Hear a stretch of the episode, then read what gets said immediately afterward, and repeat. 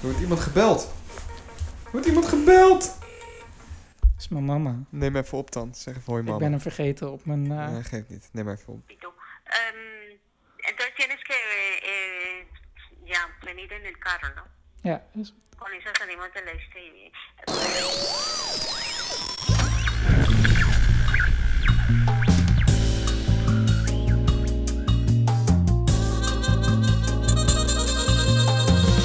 Zeepkast. Opgenomen dinsdag 21 februari 2017. Welkom allemaal bij aflevering 26 van De Zeepkast. Jouw bron voor al je science, technology en popculture nieuws. Tegenover mij zit David. En tegenover mij zit Sander. Hoe is die David? Goed. Met Eh, jou? Ja, goed. Volgens mij hebben we nog nooit zo kort naar elkaar eh Het gepodcast. is een, het is een gepodcast. Ja. Het is een record. Ik ben je een beetje beu. Ik heb je donderdag Ja. nog gezien, man. En dan... eh, Lekker is dit. Nee, maar eh, leuk. We gaan toe naar ons wekelijks schema. Dus eh, Ja, het is altijd spannend hoe we dit vol gaan houden. Want je hebt Ja. natuurlijk altijd de, de Hawthorne effect.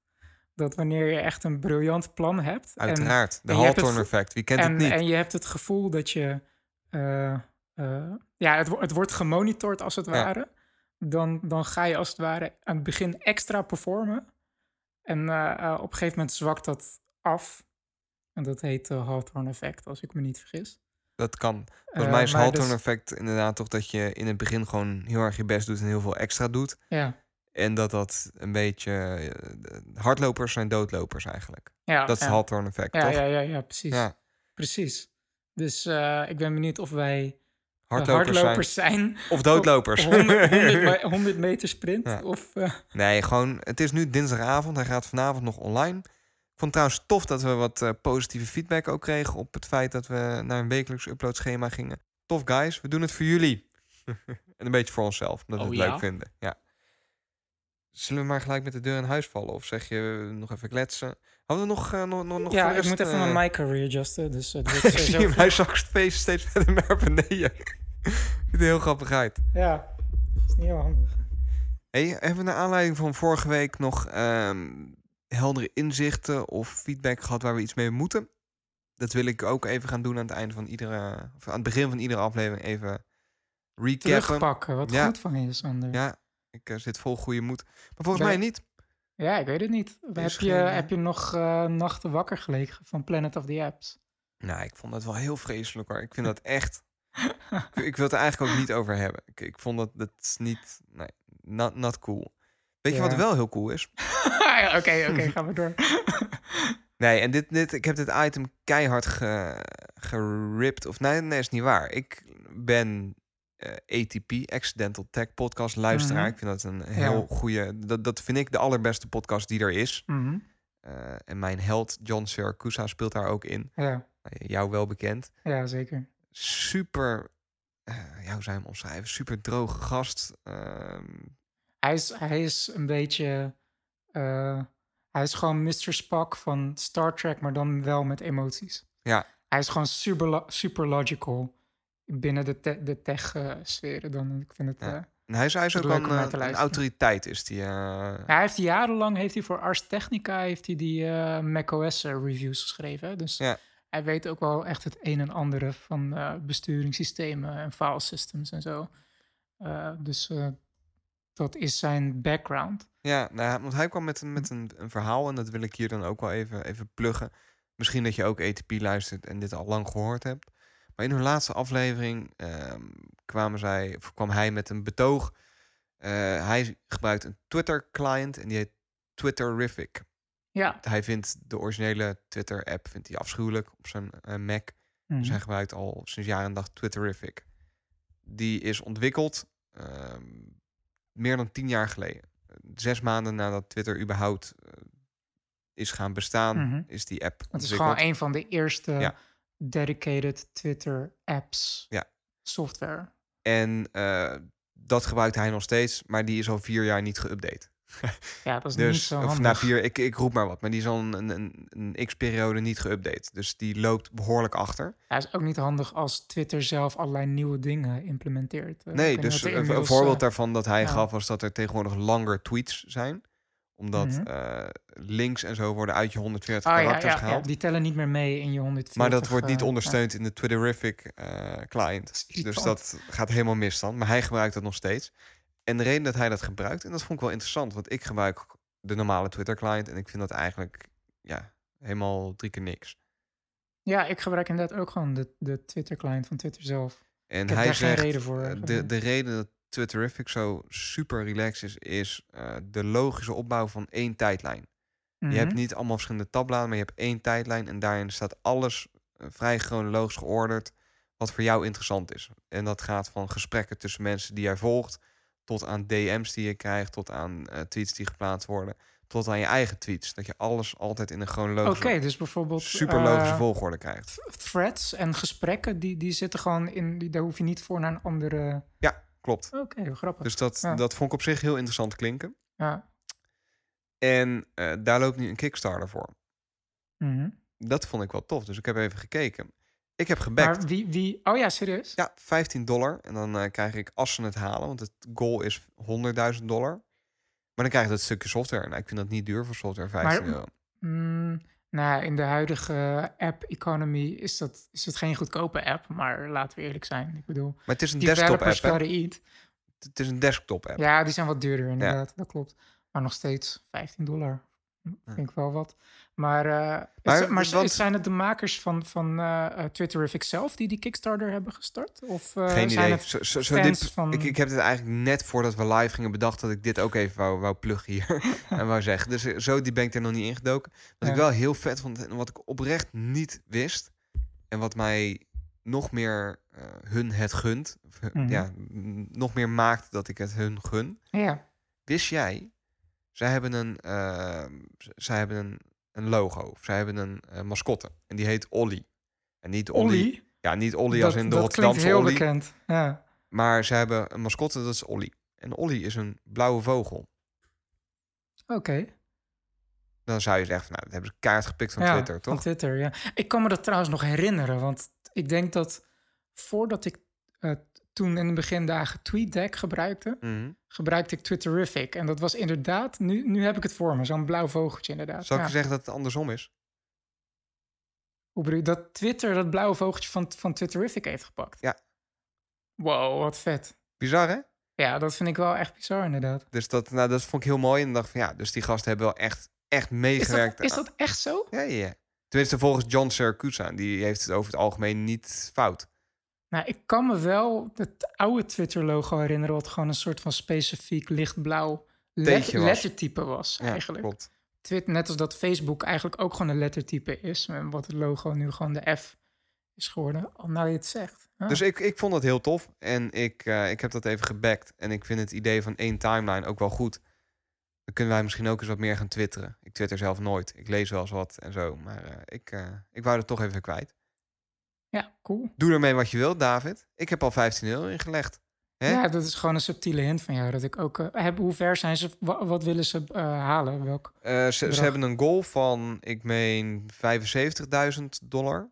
Mhm. Als ze dat halen, dan gaat het gerealiseerd worden. Maar het echte goal is 100.000 dollar, want dan hebben ze de volledige versie. Bij die 75 is een soort uitgeklede versie, waar niet alle, alle feat- features in zitten. En hoe ver zijn ze? 50.000 al. Dus ze zitten al op de helft. En hij Oh. heeft nog 27 dagen te gaan. Oh, dat redden ze makkelijk, Volgens mij ook. denk ik. Dus eh, ik, eh, ik vond het even leuk om eh, kwijt. eh. Ja, vet. Ik gebruik op mijn Mac gewoon eigenlijk de website. Twitter.com. Ja, ik dus ook. En ik vind dat best Nou, wel... ik heb wel de Twitter-app erop staan. Die heb ik soms wel aanstaan in de sidebar. Maar, Ik, ik heb die Twitter-app ook erop staan, maar ik vind die zo rot. Hmm, wat vind je er rot aan dan? Ja, weet ik niet. Ik kan er niet helemaal de vinger op leggen wat ik nou niet prettig vind werken in de app. Maar het voegt helemaal niks toe ten opzichte van de website, voor mij. Ja, nee, dat ben ik met je eens. Maar Ja, ik vind het idee ja. van één chronologische timeline vind ik wel heel mooi. Omdat je dan Mhm. inderdaad ook dingen als eh, DM's, dus daar ook messages, in hun context ziet. Dus op welk tijdstip heb je die gestuurd? Eh, welke tweets, tweets zaten daar omheen? Mhm. Want die, die hebben waarschijnlijk bepaald dat jij iets wil gaan doen of zo. Dus dat vind ik heel tof, dat je echt één chronologisch overzicht krijgt van waarom dingen gebeuren. Hm. Why do things happen? Dat een beetje. Ja. Ja, nou meer heb ik er ook niet over. Dus dat heb ik net even bedacht Ja. dat ik dat kwijt wil. Zullen we dan nu eh, lekker doorgaan met, ehm, nou ja, noem eens wat, Magic Leap? Ja, die heb jij op de show notes eh, geplaatst. Ja. Ik, heb er, ik, heb er, ik heb er wel over gelezen hoor. Maar Ja, ja, nou ja, ik, ik, ehm, ik vind dat zo'n intrigerend bedrijf, Magic Leap. ja, We hebben het er al vaker over gehad, of eh, een hele poos geleden. Magic Leap is een soort van in de tech community een soort van gouden pot aan het eind van de regenboog. Mm, Waarin heel de tech community schijnbaar heeft bedacht dat zij heel goed bezig zijn. Niemand Ja, weet zijn, exact. Ze zijn aan het hypen of zo. Want er, eh, ze, ze, ze, zijn, ze hebben een bepaalde visie over een techniek. En ze hebben journalisten uitgenodigd en prototypes laten zien. En die mensen komen echt terug alsof ze aan de drugs gezeten Ja. Maar er mogen geen foto's gemaakt worden. Er mag Nee. niet verteld worden wat dan precies. Nee. Ehm, maar er zit wel 1,2 miljard geloof ik in. Zoiets. Ja, ze hebben nu eh, inmiddels 1,4 miljard opgehaald, inderdaad. En er zitten echt bedrijven tussen als Google en eh, Alibaba. Dus, dus voor ons als consument, het enige dat wij zien, is dat daar een bedrijf is die schijnbaar heel tof, want ze houden zich bezig met AR, dus augmented reality. Mhm, Dus dat zal een soort bril zijn waarmee je de, de werkelijkheid met de, de, het- ja, mhm. het toegevoegde eh, eh, samenvoegt. Iets waar we het echt ook al wel regelmatig over gehad Mhm. hebben. En zij doen dat schijnbaar heel goed. Ja, We hebben er nog nooit het van gezien, maar allemaal mensen die er heel veel van af weten, schijnbaar, die zien dat zo erg zitten dat ze al 1,4 miljard dollar in gepompt hebben. Terwijl er nog niks op de markt is.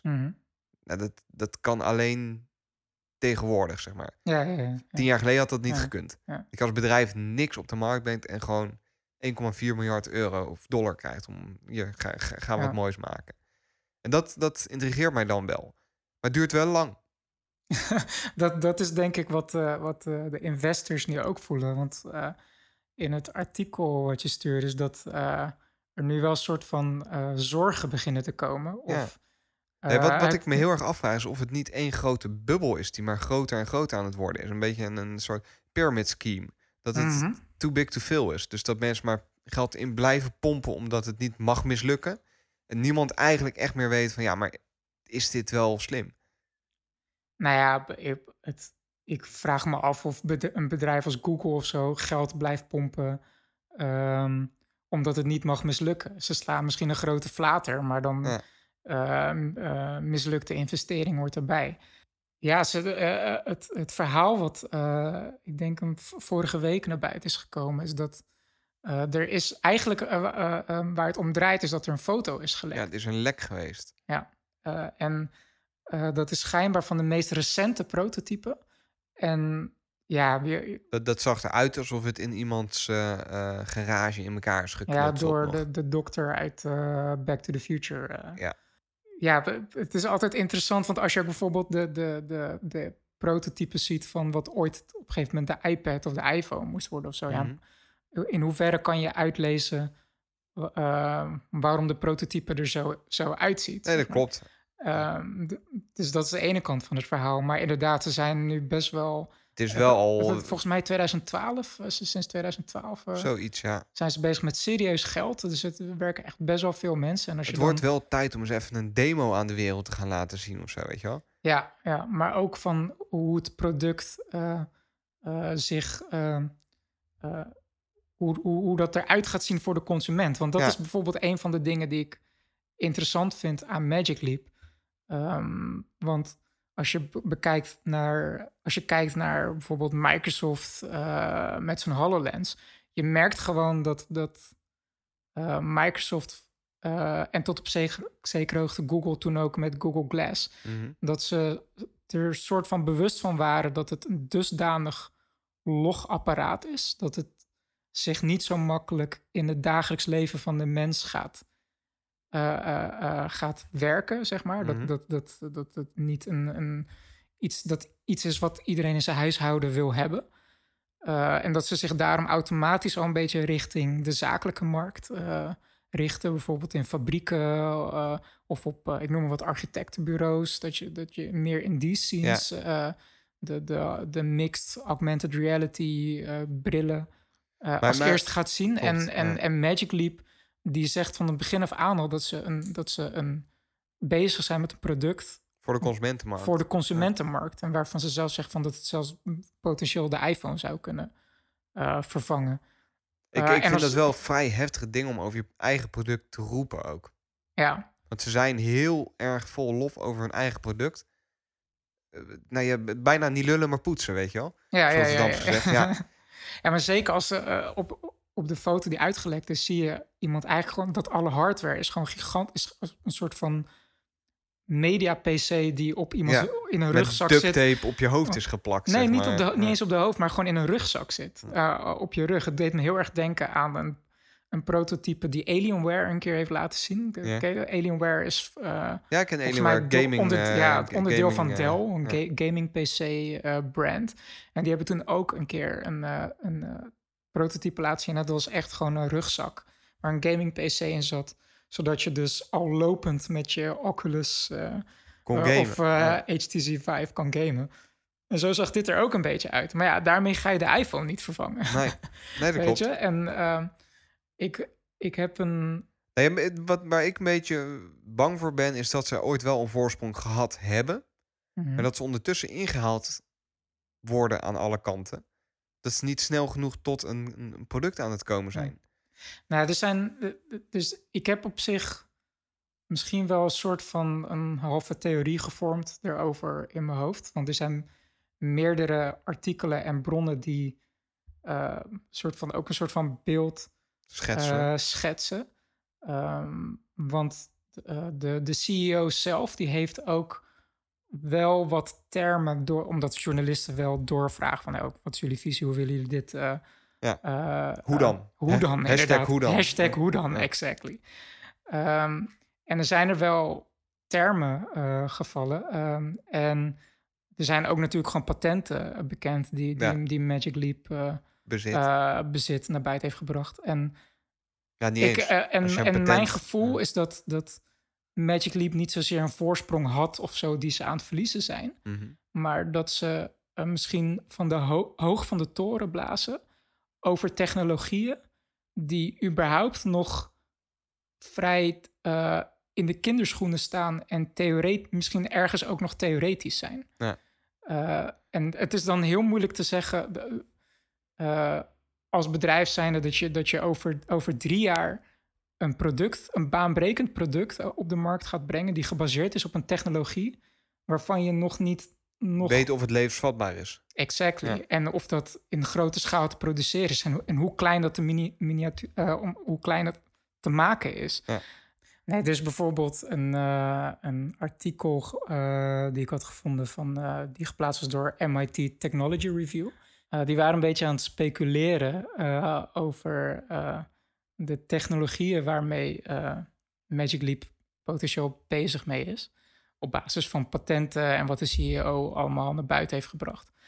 En eh, een van de technologieën waar Ma- Magic Leap waarschijnlijk mee bezig is, is eh, Silicon Photonics. Ja. En dat is een van de technologieën waarmee ook bijvoorbeeld Intel best wel veel druk mee bezig is om Moore's Law in stand te houden. ja als het ware. hoe- nogmaals, hoe heet het? Silicon? Silicon Photonics. Photonics. Ja. Dus dat je, eh, ik kan het niet helemaal uitleggen. Het, Het- best wel, het, ja. het intrigeert me wel hoor. Ik wil er wel meer over weten. En dat, dat is gewoon een, een, een- dat is een nieuwe technologie die, wat ik, waarvan ik zeg eh, dat, dat zelfs Intel, eh, wat niet de minste chipmaker is, Nee. daar ook nog mee struggelt, als het ware.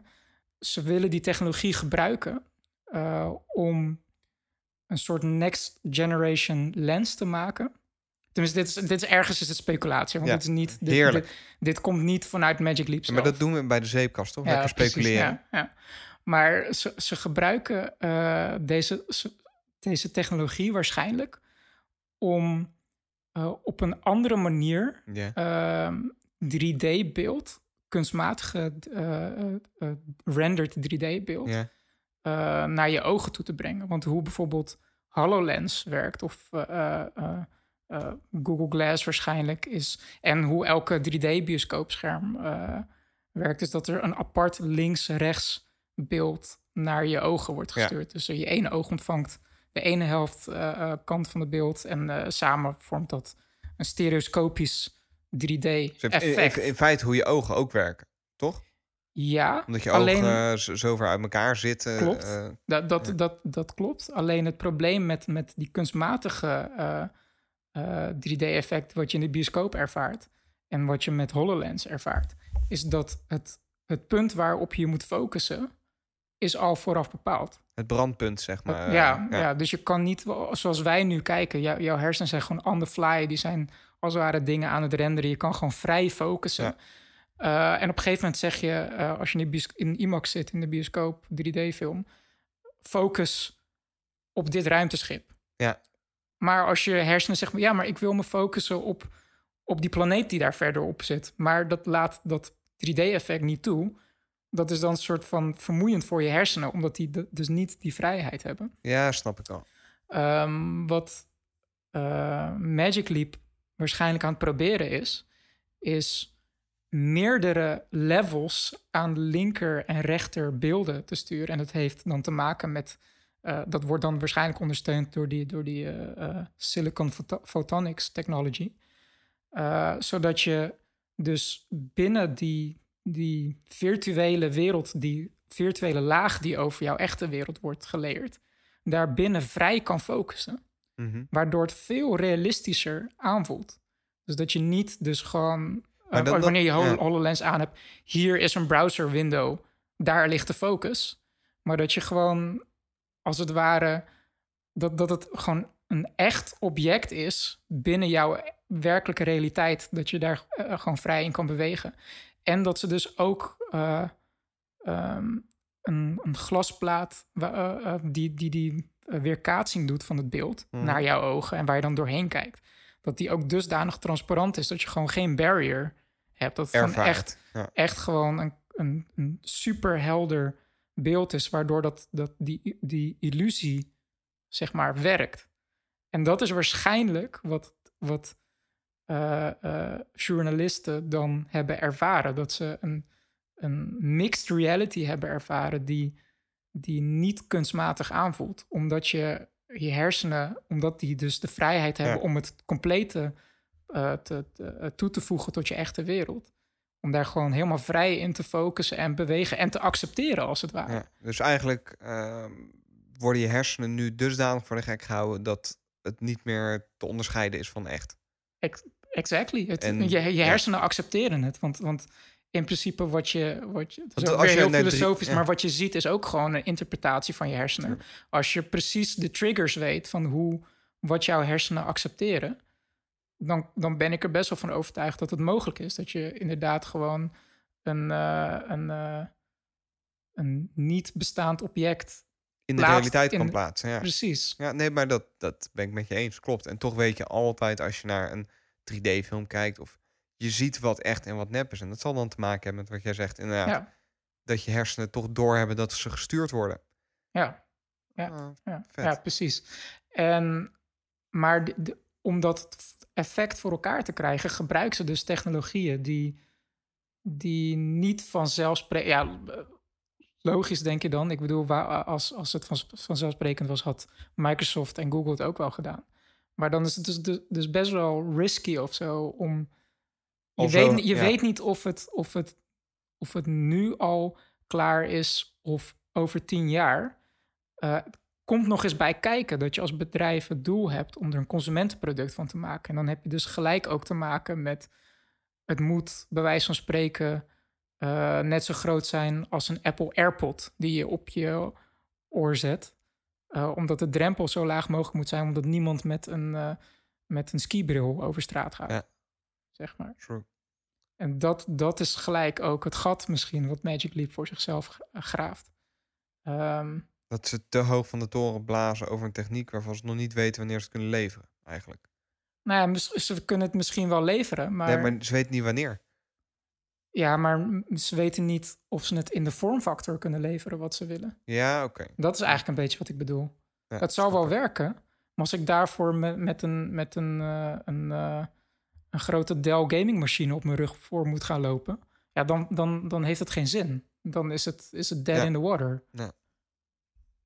Tof. Ja, ik, ik, eh, ik denk dat we het mij in de gaten moeten gaan houden, Magic Leap. Jij, ehm, ja, jij had aan de show notes toegevoegd. En daar hebben we het al vaker over gehad. Maar het boek Story of Your Life and Others. Of Stories of Your Life and Others. Ja, Ik weet ongeveer wat het is. Ik heb het niet gelezen. Ehm, nee. Maar dat is het boek Mhm. aan de hand waarvan ehm, Arrival. Arrival gefilmd Ja. is. Ja. Het is een science fiction schrijver die schijnbaar short stories Mhm. super amazing schrijft. Toch? Nou ja, of hij het amazing sch- schrijft, dat is natuurlijk aan de lezer. Maar ik weet dat jij heel erg onder de indruk bent van zijn eh Ja, schrijfstijl. ja ik, ik ben wel fan geworden of zo. Ik ben wel echt... ehm, Stories of Your Life and Others, daar staat onder andere in de short story Story of Your Life. Logisch. En daar ja. is Arrival op gebaseerd. En hadden we het toen al een keer over gehad Ja. in een andere aflevering. En toen we ook eh, op basis van de film die we gezien hebben. Maar de andere verhalen in het boek. ehm, ik zit even te denken hoe ik het moet brengen. Ik, vind, ik vond het. Ik denk dat dit precies het type science fiction is waar ik van hou. En dat is eh, eh, simpelweg wat als. Je, je hebt gewoon een. een eh, en dat, dat kan, kan zo gek zijn. Dat kan heel simpel zijn als bijvoorbeeld een, het, het laatste verhaal in het boek. gaat over, een, over gewoon onze society, maar met de twist dat er een technologie is ontdekt. waarmee je met een simpele eh, ehm, eh, ja, herseningreep, als het ware. En Mhm. het is gewoon super microscopisch. Eigenlijk het, je zou het kunnen zien hetzelfde dat je eh, eh, even naar de tandarts gaat. naar de tandarts gaat, Ja. bijvoorbeeld of zo. Dat je de hersenen worden aangepast, dat je schoonheid niet meer ziet. En dat is dan niet eens goed uitgelegd. Dat is, het is meer van je ziet het wel. Ja. Maar je geeft Nou ja, geen... je, je, je, ziet, je ziet het verschil tussen, tussen dingen en mensen en je, je kan gezichten herkennen. Eh, maar je hebt geen mening over of ze mooi zijn of lelijk. En eh, dat, dat is dan een hele simpele, een, een simpele variabele van wat als. Wat Ja. als, als eh, schoonheid niet meer uitmaakt in de, in de maatschappij. Tot aan een, een compleet fictioneel verhaal waarin bijvoorbeeld de, de Tower of Babel. Dat vond ik trouwens wel een van de mindere verhalen in het boek. Maar dat, dat, dat, dat je echt een toren kan bouwen naar de hemel. Om, eh, eh, dan volg je een van de werkers eh, aan de toren tot zoiets fictioneels. Maar het is meer toch die. Want de Tower of Babel is gewoon een hele hoge toren naar de hemel.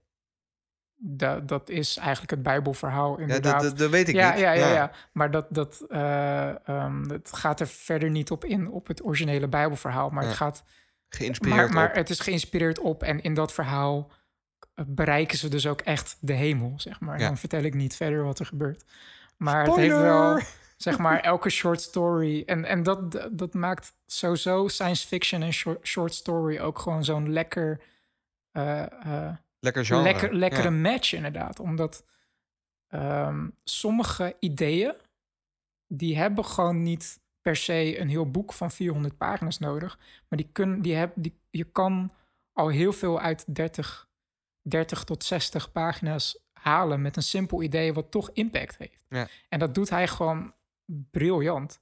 En hij heeft een aantal, eh, ehm, ja, toch eh, soort thema's wat, wat erin terugkomt. En dat is ehm, wiskunde en ehm, ja, hoe moet je dat zeggen? Ik denk misschien een soort van half religieus, half maatschappelijk van hoe reageren mensen op de big questions. Dus, ja, eh. Hij, hij is eh, niet bang... is, er, is er een afterlife of eh, dat soort dingen? Ja, precies. Ja. Oké, en op, op een schaal van 1 tot 10, hoe moeilijk is het boek te lezen? Daar ben ik dan wel benieuwd naar. Ehm, nou, het boek is niet moeilijk te lezen per se. Eh, hij legt alles vrij eh, duidelijk uit. En eh, hij per onderwerp ik denk niet dat het een kwestie is van, van moeilijk taalgebruik of moeilijke onderwerpen. Ik denk dat het meer een kwestie is of de onderwerpen je überhaupt interesseren. Ja, of, of het boeiend is. Ja, Oké, oké. ja. Maar het is niet zoals Silmarillion heel moeilijk te lezen. Ja, Silmarillion, ja, dat, dat is... Dat, dat vond ik een heel moeilijk boek om te lezen. Ja, maar de Sil- Silmarillion was meer een soort van oef- Encyclopedie, oefening, eh. oefening in hoe kan ik een, hoe kan ik een wereld en taal creëren. Eh, dat, dat eigenlijk. Ja. dat is ja, dat, dat, Nee, maar dit, daarom dat vraag dit het, niet. Nee, dit- nee, nee. Die potentie heeft het wel als je het zo vertelt. Dat ik denk, dit zou een vrij lastig boek kunnen nee, zijn. absoluut niet. Ik vond hem echt super snel lekker weglezen. Alleen er zitten wel. d- er, er zitten diepere lagen in termen in.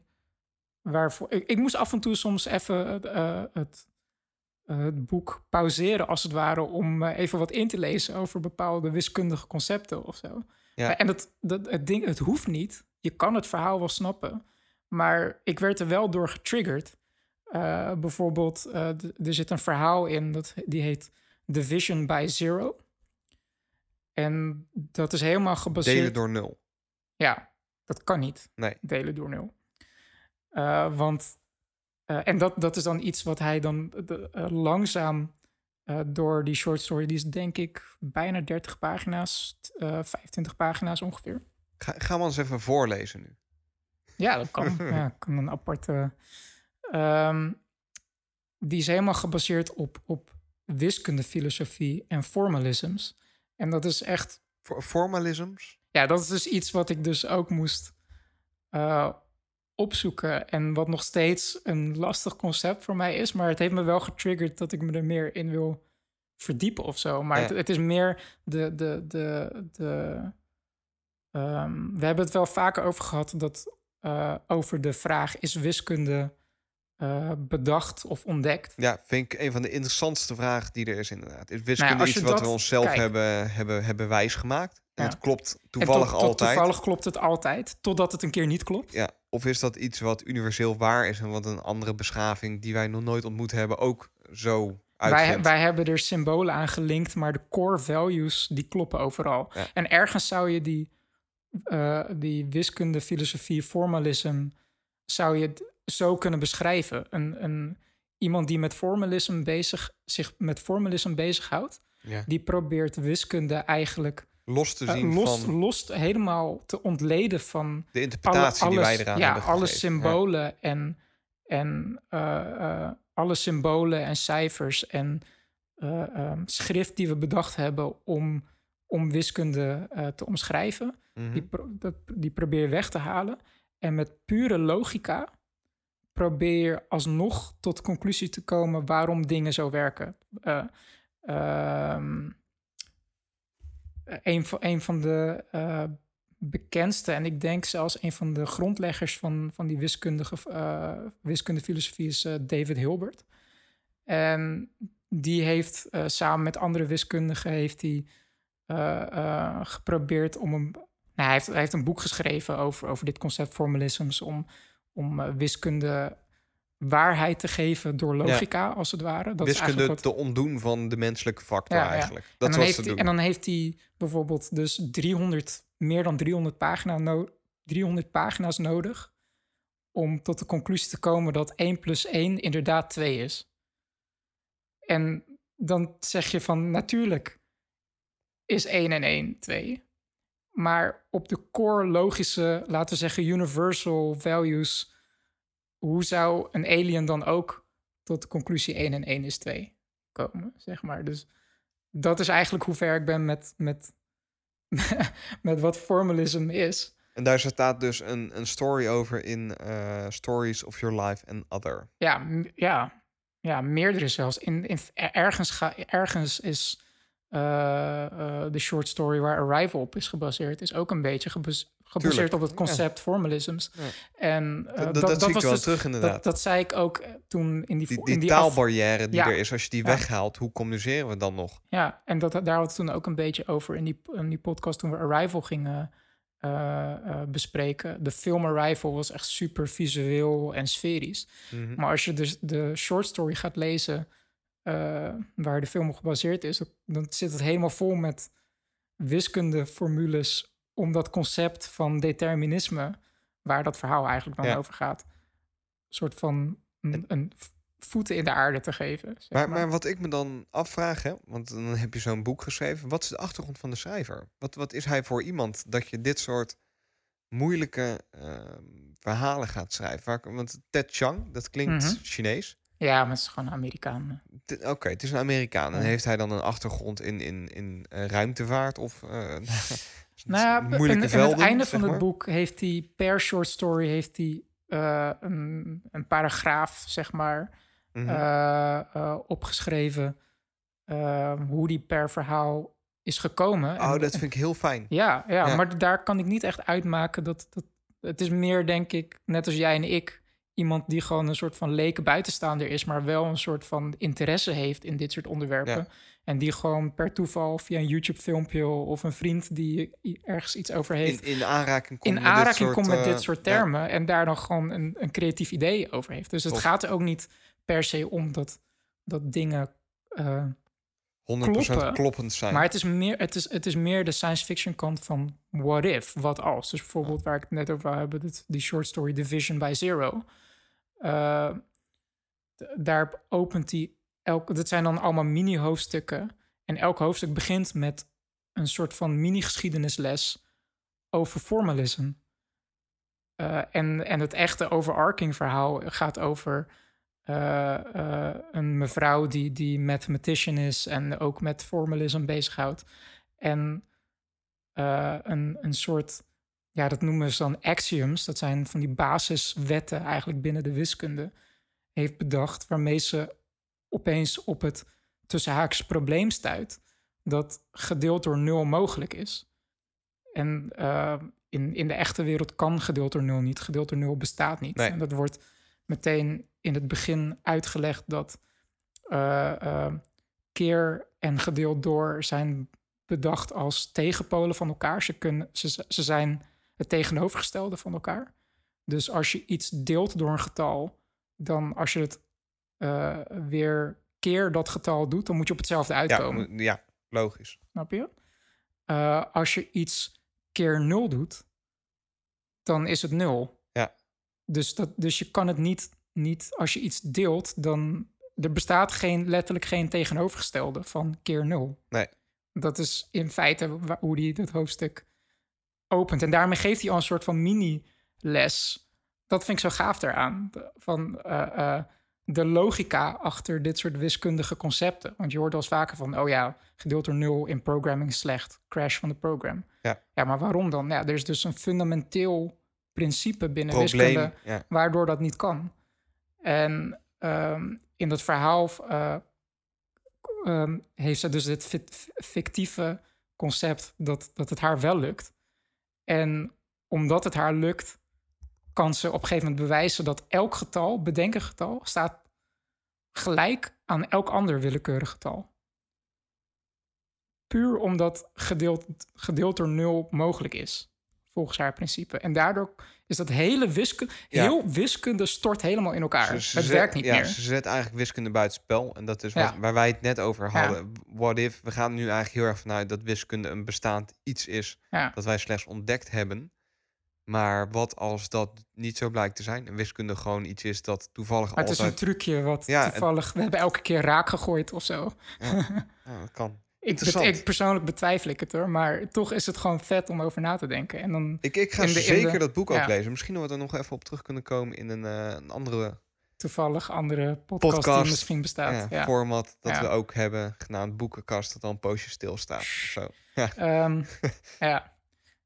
maar de, de- ja, in de, in de footnotes als het ware over de short story Division by Zero... vertelt hij dus dat hij toevallig bij een, een wiskundige, wiskundige formule eh, uitkwam... die waarschijnlijk via een, een artikel of een YouTube-channel of zo... Die in eerste opzichten super onlogisch lijkt. Een formule waar plus 1 in zit en eindigt in 0. Eh, eh, maar dat er dan in dat artikel stappen worden uitgelegd, waardoor het opeens heel logisch voor je eruit ziet. En dat heeft voor hem zo'n indruk gemaakt dat hij dus geïnspireerd werd om, dit, dit verhaal. om dit verhaal te schrijven. Gaaf. En zo zit er. ja, de- niet elk verhaal is even sterk, vond ik. Uh, maar Wel een aanrader.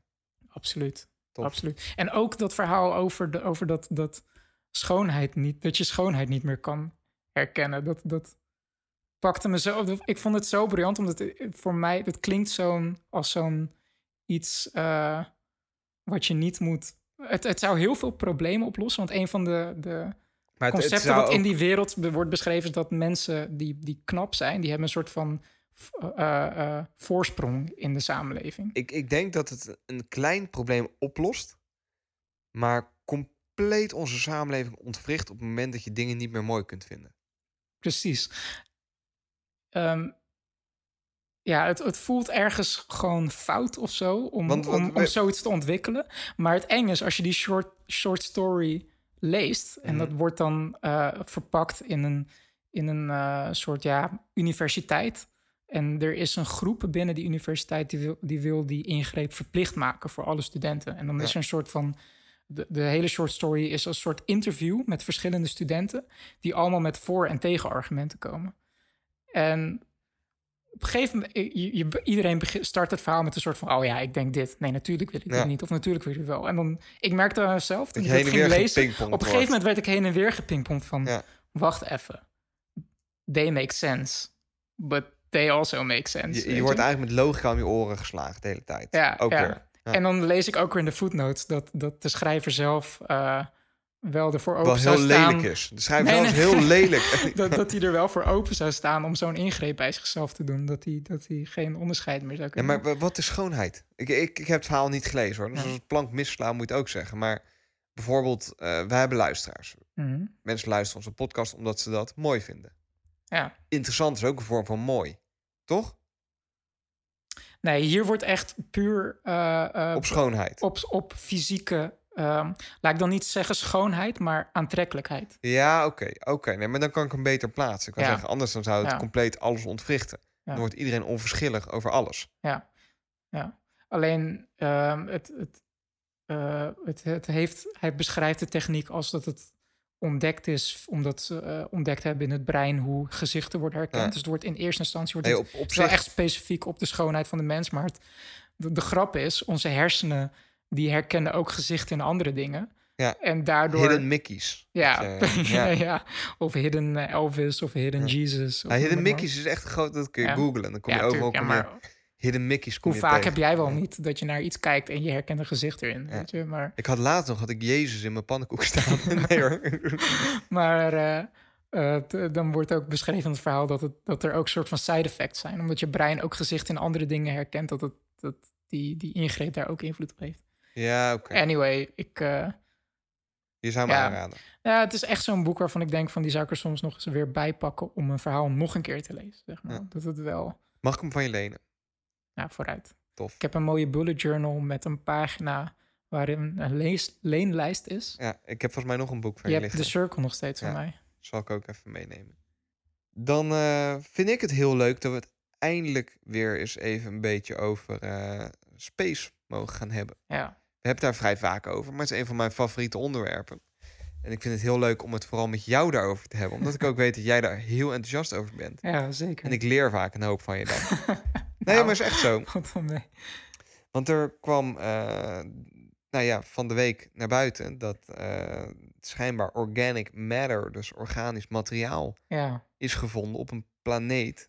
Een exoplaneet noemen ze Nou, dat nee, dan. Hè? nee, nee. Het is Nee? geen exoplaneet. Oh. Een, eh, eh, het, een exoplaneet is Mhm. een planeet die buiten ons eh, zonnestelsel is. Dus rond een letterlijk rond een andere ster eh, Ja. begeeft. Dus maar per definitie toch ook een mogelijk bewoonbare planeet, of niet? Nee. Exo. nee, nee. Oh. Exoplaneet is puur. Maar het is sowieso grappig, überhaupt een onderwerp aan zich. Wat is een planeet? Ja. want misschien is het wel grappig om een keer te doen. Want die, er zijn zoveel manieren hoe je, hoe je een planeet zou kunnen definiëren. En eigenlijk vind ik, alsof ik daar eh, iets zinnigs over te zeggen heb, maar ik zou, ik zou best, denk ik, hard kunnen maken waarom het gek is waarom we op dit moment onze planeten zo noemen. Want we, we, we definiëren volgens mij momenteel planeten aan de hand van hun grootte, toch? Dat was de reden dat Pluto ook geen planeet meer mocht zijn, puur om zijn massa. Nou, nee, niet heel. Niet, van- massa is het ja. verkeerde woord, maar omtrek. Ja, massa, omtrek. Je hebt ook Ehm, ga- gasplaneten. Die hebben niet Nou ja, per het, is- het is veel- gewoon, er zijn gewoon heel veel. Pluto is nu een dwergplaneet genoemd. En dat Ja. is Ceres trouwens ook. En daar gaan we het nu over hebben. Ceres. Ik weet eigenlijk niet hoe je dat in het Nederlands. C- Ceres?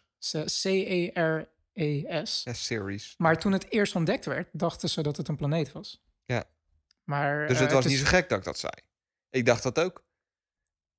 Eh, en daarom eh, is, eh, is Ceres ook naar een, een, eh, een, eh, Rome- uit- naar een eh, godin uit de Romeinse mythologie genoemd. Omdat eigenlijk al onze planeten die zijn Ja. daar naartoe vernoemd. Pluto ook. Maar die wilden we eigenlijk bewaren voor onze echte Behalve planeten. Behalve- Aarde. Ja, Dat behalve is de enige Earth, die ja. niet vernoemd Ja, is. maar die hebben we ook niet ontdekt. Dat is een triviant vraag. Ik had hem laatst namelijk. Bij, eh, ja, ik, geloof bij een pubquiz of zo dat ik hem laatst had. Die vraag van welke planeet in ons potentiële zonnestelsel is niet. Ja. naar een Griekse god vernoemd. Ja. Naar aarde. Maar goed, ga door. Maar Ceres is wel de, de, de grootste hemellichaam planetoïde eh, in de, in de eh asteroïdenring ja. tussen Mars en Jupiter.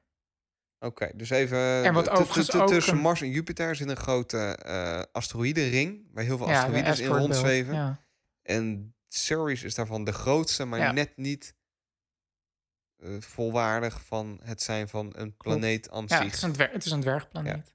Is die groter of minder groot dan Pluto? Weet je dat toev- toevallig? Ehm, had ik moeten opzoeken? Nee, weet ik niet eigenlijk. Dat is wel een goede vraag. Ja, want daar ben ik dan wel, eh, wel benieuwd naar. Op Ik de wil het nu eigenlijk weten. Oké.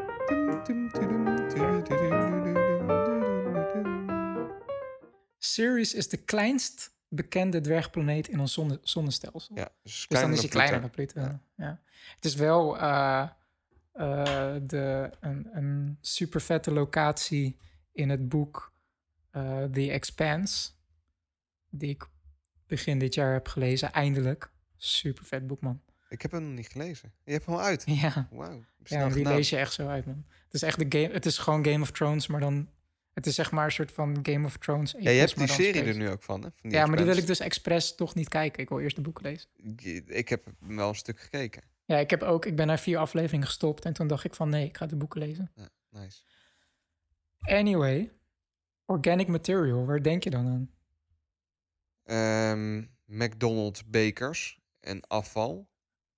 Ja, nou ja, eigenlijk dat, dat is een grapje, maar ik, ik, ergens denk ik dat mensen dat misschien wel denken, inderdaad. Gewoon een soort van. N- nou ja, het is heel, ges- heel erg gechargeerd. Maar dat is wel logisch dat jouw menselijk brein als eerste denkt aan compost.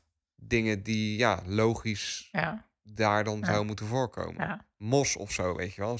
Zoiets. Daar zou ja, dan aan denken. Ja. ja gewoon Of niet. kleine plantjes. Toch, of, toch eh, geen. Ja, misschien nog net geen planten, maar wel.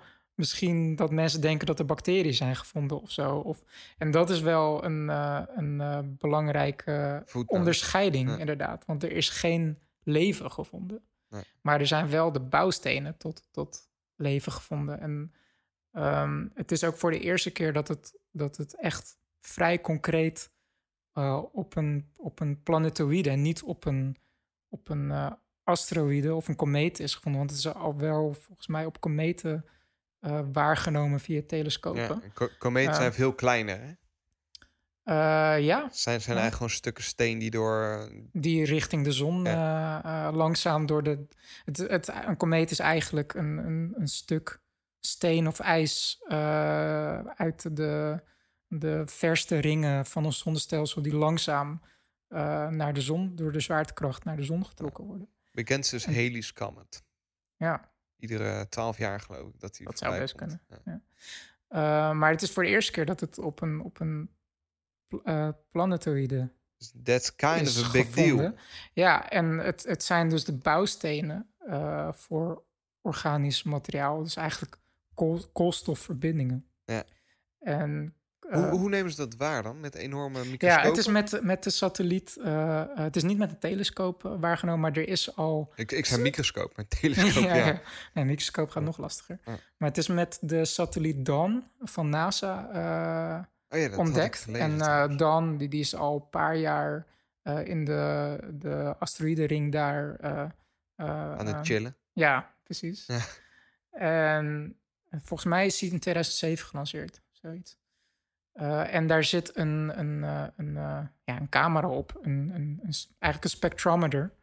Die dus, Spectrometer. ja, die, die kan eigenlijk lichtgolven Ja. meten. Dus, en op basis van de frequentie van, van de licht die, die weerkaatst van, van, van de, de oppervlakte, kunnen ze dus Bepalen wat voor materiaal. wat voor materiaal er is. ja. En ze hebben dus koolstofverbindingen eh, waargenomen. En wat er extra aan interessant is, is dat ze eh, een sterk vermoeden hebben dat de, het materiaal door Ceres zelf, mhm. door chemische reacties, daar ontstaan is. Zij het onder de, onder de oppervlakte.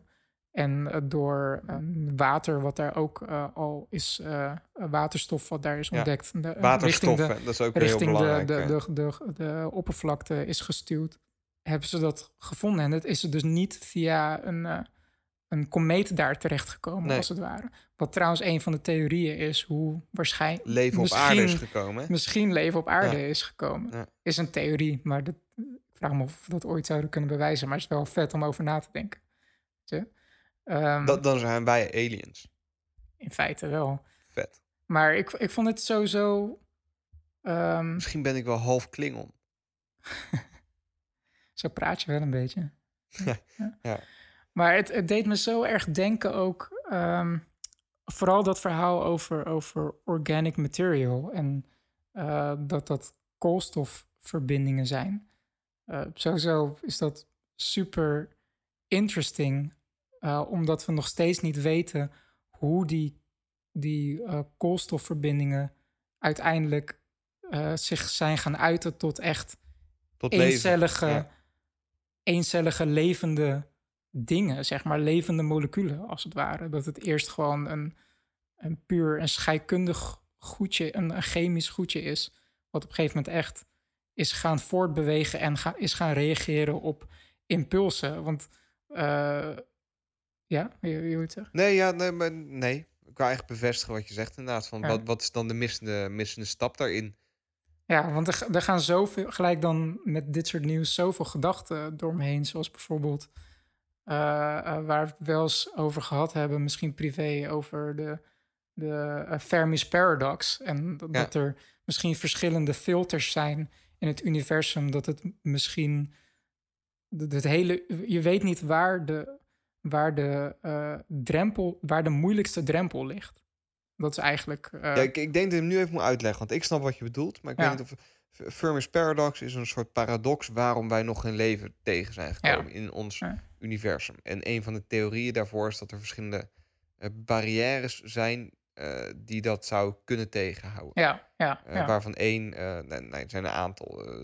Eén theorie is dat er eens in dezelfde tijd enorme gamma-stralen door heel het heelal heen gaan. Mhm. Dat alles en iedereen kapot maken. Ja. Eh, nou, zo heb je er een aantal. Dat, je dat het perfect Dat is uit. Fermi's Paradox. Ja, dat is, dat is in de notendop. En meteen ook wat, die, wat, wat het concept van een barrière is. Dat er eh, een punt is waar, waar het heel makkelijk is om toe te komen. Bijvoorbeeld misschien het vormen van koolstofverbindingen. Ja. Maar dat de volgende barrière, en die, wij weten niet hoe dat werkt, van, van koolstofverbinding naar een, een molecuul wat je levend zou kunnen noemen. Ja. Bijvoorbeeld een, een RNA of een DNA-streng cel ding. Wat, Iets- zich, iets wat, zich kan, ja. wat zich kan kopiëren, zichzelf kan kopiëren. Iets, iets dat wij levend materiaal kunnen noemen eigenlijk. Ja, en misschien ligt het barrière wel op die plek. Dat, dat het hele universum wij, is ja. bezaaid met, met koolstofverbindingen. Maar dat, dat, er, dat, dat de kans dat die barrière zo gigantisch hoog is... dat die misschien nog maar één keer is voorgekomen. Ja. Of dat de barrière een stap verder ligt. Dat, dat de, de, eh, eh, de, het universum helemaal bezaaid is met allemaal... eh, Levend ehm, materiaal. moleculen die zichzelf kunnen, kunnen kopiëren, als het ware, maar niet dusdanig georganiseerd kunnen worden dat het eh, echt een meercellig ding wordt die, die samenwerkt of zo. En dat dat maar één keer is voorgekomen Ja. of zo. Dat is gewoon super vet om over na te denken. En toevallig zit ik nu... Nou, op, zich misschien wat, wat wel leuk is. Als, Fermi's Paradox is sowieso ontzettend vet. Als, als dit je interesseert, is- laat het dan even weten. Want dan kunnen we misschien binnenkort een aflevering eh, daar wat dieper op ingaan. makkelijk een aflevering Dat is, dat is wel leuk om misschien Ja. een, een aflevering daar aan te wijden. Ja. Dus laat het weten als je dat tof lijkt. Dan, dan, dan kunnen we daar wat mee. Ja, ja. En ehm, toev- toevallig zit ik nu, eh, ben ik nu bezig in een boek. eh, toevallig. eh, The Selfish Gene van Ik, ik zag hem op je e-reader staan. ja, ja, Richard Dawkins, The Selfish Gene. En hoofdstuk 2, ik heb vanmiddag weer even nog een keer gelezen, geeft een soort van briljante beschrijving van hoe het ongeveer gegaan zou kunnen zijn. Ehm, en hij zegt zelf ook in een voetnoot dat er, dat er meerdere theorieën zijn over hoe, hoe de vroege evolutie in de oersoep geweest zou kunnen zijn. Ja. Maar dat, eh, dat hij deze gewoon als voorbeeld gaf over hoe, hoe theorieën überhaupt werken eh, en eruit zien. Dus het ging er hem niet per se om om deze theorie meer kracht te geven. Maar toch vond ik dat hij het gewoon super mooi beschreef. En hij, de, de titel van het hoofdstuk is ook The Replicators, waarin hij een, een, een soort van dode wereld. En met dood bedoel ik dus gewoon. Er, zijn, Zonder, er, er ja. is scheikunde en er, is er, er zijn eh, eh, eh, koolstofverbindingen. Maar je zou, je zou alles wat er gebeurt, gebeurt niet met een bewustzijn, zeg maar. Het, Ja. wordt- het gebeurt niet expres. Eh, maar eh, hij beschrijft dan, hij, hij- vervolgens gaat hij wel verder in het hoofdstuk door, in mijn gevoel, de replicators wel een soort van bewustzijn te geven. Dat ze, eh, hij beschrijft dan een wereld waarin in, eh, eh, allemaal moleculen, eh, of ja, eerder gezegd atomen, eh, tegen elkaar aanbotsen en dat sommige toevallig met elkaar reageren en verbindingen vormen. En Mhm. eh, ehm, ja, wij zijn carbon-based life, want koolstof is basically eh, de leeg. Koolstof is gewoon Lego. Eigenlijk koolstof wil gewoon het graagst bouwen met andere. eh, koolstof. verbinding. ook met zichzelf inderdaad, maar, maar met zuurstof, stikstof, noem het maar op. Dus alles is in principe organisch materiaal, dus gebaseerd op koolstof. En dan in, zijn, in, in de theorie die hij dus uitlegt, eh, vertelt hij dat, dat op een gegeven moment eh, dat er molecuulverbindingen zijn gevormd die toevallig zichzelf konden kopiëren. En hij zegt van ja, eh, het, het is niet vanzelfsprekend dat als je in een potje allemaal materialen stopt, je schudt een beetje, go- gooit een ele- elektrische schok doorheen, dat je dan een molecuul krijgt die zichzelf kopieert. Maar geef iets miljoenen jaren, dan, kan het, dan ja. kan het een keer gebeuren dat er een keer een molecuul komt die zichzelf kopieert. Door simpelweg. En dan zijn, daar zijn dan weer verschillende theorieën over hoe dat dan zou werken. Dat er bijvoorbeeld een, een, eh, een eh, atoomverbinding is die elke keer als hij een, een bouwsteentje tegenkomt die, waarvan hij onderdeel is, dan blijft het plakken totdat er een kopie van zichzelf aan zichzelf plakt. En dat deelt zich dan weer, Ja. dat, dat trekt dan weer los van elkaar. Ehm, en zo is dat evolutionair proces eigenlijk soort begonnen met inanimate matter, met, met dingetjes die niet leven, maar die zijn zich wel gaan verspreiden. Eh, en een subprincipe van het kopieerproces is dat er fouten in worden gemaakt. Dus op een gegeven moment krijg je generaties van een kopie die ongeveer hetzelfde is. Ja. Maar die is, dan, is weer dat, we kwam vorige podcast ook al voorbij, dat, dat fluisterdoorspelletje. ja, Op het moment dat we in de kring zitten en we fluisteren telkens iets door, we kopiëren Ja. telkens een woord en dan uiteindelijk Ja. komt er een heel ander woord uit. Ja. En op het moment dat zoiets gebeurt, dan gaat de bal eigenlijk rollen. Want dan krijg je dus variaties. En de ene variatie doet het toevallig beter dan de ander. En het gaat allemaal zonder wil of eh, ik moet beter zijn Maar- dan de ander. Maar het is allemaal Het is ook een exponentieel proces. Ja. Het gaat steeds sneller. Klopt, klopt. Maar er, op een gegeven moment ontstaat er wel een trend van dat eh, er voorkeur wordt gegeven aan degene die, die vaker kopieert, bijvoorbeeld. Die komt toevallig. eh, de ene kopieert zich één keer in tien jaar en, en in, in tien dagen. De andere kopieert zich honderd keer in tien dagen. Ja. Die gebruikt dan veel sneller de materie die, ja, alle die alle in de, beschikbare materie Ja. op. Ja. en die, die, die, die groeit dan weer exponentieel. En dan ontstaat er weer een variatie die, die eh, langer in leven blijft. Als tussen haakjes in leven blijft en minder snel uit elkaar valt. En ehm, eh, op een gegeven moment ontstaat er dan competitie. Omdat je dus in een, in een als het ware, biosfeer zit met materiaal. Maar die materiaal is niet oneindig. Dus op een Nee. gegeven moment is het op. Dus dan krijg je competitie van dat de ene eh, meer materiaal uit de oersoep gebruikt dan de andere. En dan krijg je opeens een mutatie die, die toevallig de andere, eh, zijn, zijn, zijn rivalen, kan opbreken. En dan die materiaal weer voor zichzelf kan, kan eh, gebruiken.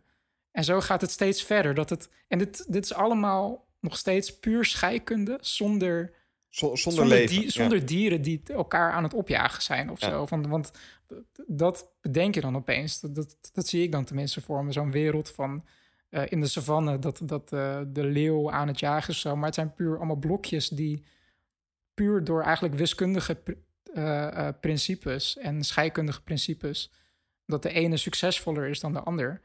En dat bij toeval de ander bijvoorbeeld een laagje om zichzelf heen bouwt... om zichzelf te beschermen tegen de replicators die hem kan aanvallen, als het ware. En zo is misschien de eerste cellen, eh, zijn de eerste cellen ontstaan. En op een gegeven moment maakt hij een soort van de denksprong van... oké, als je dit accepteert, dat er dus eh, replicators waren... die gewoon blokjes, complexe moleculen... die door deze principes zichzelf konden kopiëren... en konden, als het ware, eh, een competitie konden houden... voor materiaal wat er beschikbaar is... eh, dan snap je wat, eh, wat genen zijn, genetics. En elke, elke generatie, elke complexe molecuul die, die binnen die, die biosfeer, die oersoep als het ware, meedoet aan de wedstrijd of life als het ware, die is langzaam een soort van survival machine om zich heen gaan bouwen. Omdat, eh, wat ik net zei, dat één complex molecuul bijvoorbeeld opeens een laagje om, om zichzelf heen is gaan bouwen om zichzelf te beschermen. Dat is dan weer succesvol, dus dan eh, meerdere. ga- Gaan bouwen is misschien het verkeerde woord. Ja, maar het is ontstaan. Toeval. Toeval, ja, ja, ja. Ja. Maar ja, daarom dat, dan anthropomorph ik het ook weer. Alsof het een replicator is die strategisch aan het nadenken Ja. is. Maar dat is niet zo. Het is puur toeval allemaal. Ja. Puur kans. Ja, maar ehm, nu, ik zit natuurlijk verder in het boek, dus eh, ik weet al waar hij naartoe wil gaan. Maar op een gegeven moment komt hij dus eigenlijk met de, de gooit hij de bal op van dat we, wij eigenlijk, alle dieren, alle planten, dat het allemaal verschillende tactieken zijn, als het ware. Machines die, eh, die eerste oer-replicators nog steeds zeg maar, laten meedingen in de resources in de wereld. Snap je een beetje wat ik bedoel? Want ik leg het nu echt super snel uit, wat, wat, wat hij best wel eh, veel Ik- tijd ik- voor neemt ik- in het boek. Ik denk op zich dat ik een beetje snap wat je bedoelt. ja. Want Ehm, eigenlijk maar, die, die replicators, die, die replicators waar hij het over had, eh, eh, in, het, eh, in, die, in die eerste oer, oersoep, zijn eigenlijk aminozuren, zou je het kunnen noemen. Dat is ons DNA, dat is onze genes. Maar dan, dan ja, dat op, op zich, dit neemt dan allemaal verliefd. Maar dan wat hij nog niet verklaart, is die barrière waar we het net over hadden. Dat die koolstof op een gegeven moment de sprong maakt naar echte leesvatbare materie. Ja, ja dat, dat is. eh, Dat is iets dat ik, weet niet of er theorieën voor zijn of niks, maar dat, dat wordt hierdoor niet verklaard. Dit is meer hoe kunnen Nou, bepaalde. mm, eh, in principe. wa- wat je wel mee wel. verklaart is dat er een kans is dat er op een gegeven moment iets gaat ontstaan. Ja, Omdat er schijnbaar, of, of omdat er telkens nieuwe structuren zich aan het vormen zijn. En dan op een gegeven moment is het onoverkomelijk dat er daar een bepaalde structuur van is die meer potentie in zich heeft om nou, levensvatbaar voor, te voor worden. mij dan is ander. voor mij. misschien Kijk, want, want deze, wat, wat ik nu allemaal zeg, trouwens, dit, eh, en wat hij in het boek uitlegt, dat is. eh, dit gaat juist puur over die sprong naar het leven. En dat Ja. is puur speculatie. Nou, niet puur speculatie, er zijn wel eh, experimenten naar hij, gedaan. hij van- zal het niet pluggen als de waarheid. Exact, hij Ja. zal het niet pluggen als gospel, als zo Ja. is het gebeurd. Dit is een van de manieren hoe het zou gebeurd kunnen zijn. Ja. Eh, maar hij legt juist wel de sprong naar het leven uit. Dat, dat eh, die, die complexe moleculen, dat die eh, puur door het mechanisme van kopiëren en door mutaties als het ware, tussen haakjes verschillende strategieën zijn gaan eh, bouwen. Nee, is dat wij van de zouden het de- strategieën kunnen noemen. Het zijn geen strategieën. zijn het geen is puur toeval. Ja. Die strategieën zijn zijn een gevolg van eh, dat er variatie gecreëerd wordt Een binnen. gevolg van kans. Toch? Ja, Ja. ja, ja. En dat, dat, dat een van die tussenhaken strategieën is een ingewikkelde cel Mhm. die zichzelf kan beschermen tegen andere replicators, als het ware, andere eh, eh, deelnemers, als het ware. En vanaf daar is het balletje gaan rollen. Tof. Zullen we het hierbij laten? Want ik merk dat ik een beetje mur geslagen word erdoor. Dus ik, eh, ik denk dat we hier de podcast lekker gaan afsluiten. Wat denk jij ervan, David? ja, hij is weer eigenlijk veel te lang. Hij is een stuk langer dan we hadden bedoeld. Maar Ja. dat is eigenlijk altijd zo. Ja, What else is new? It's true, man. Lieve luisteraars, bedankt voor het luisteren. Eh, je kunt ons vinden via de gebruikelijke kanalen. eh, via eh, Facebook, via Google, via Twitter, via tegenwoordig ook LinkedIn zelfs. dus gooi er een bericht thuis. Laat even weten als je het tof vindt als wij een aflevering maken over de Fermi Paradox. Dan rest mij niks dan David. Ja, en laat zeker ook wat weten als je het ergens niet over eens bent of wel over eens bent. Of Laat gewoon wat meer weten. over iets Laat gewoon wat horen. Laat wat van je horen. Tof, Ja, toch? ja. David, bedankt. ja, ook bedankt Sander. Lieve luisteraars, jullie bedankt. Live long and prosper. Ciao.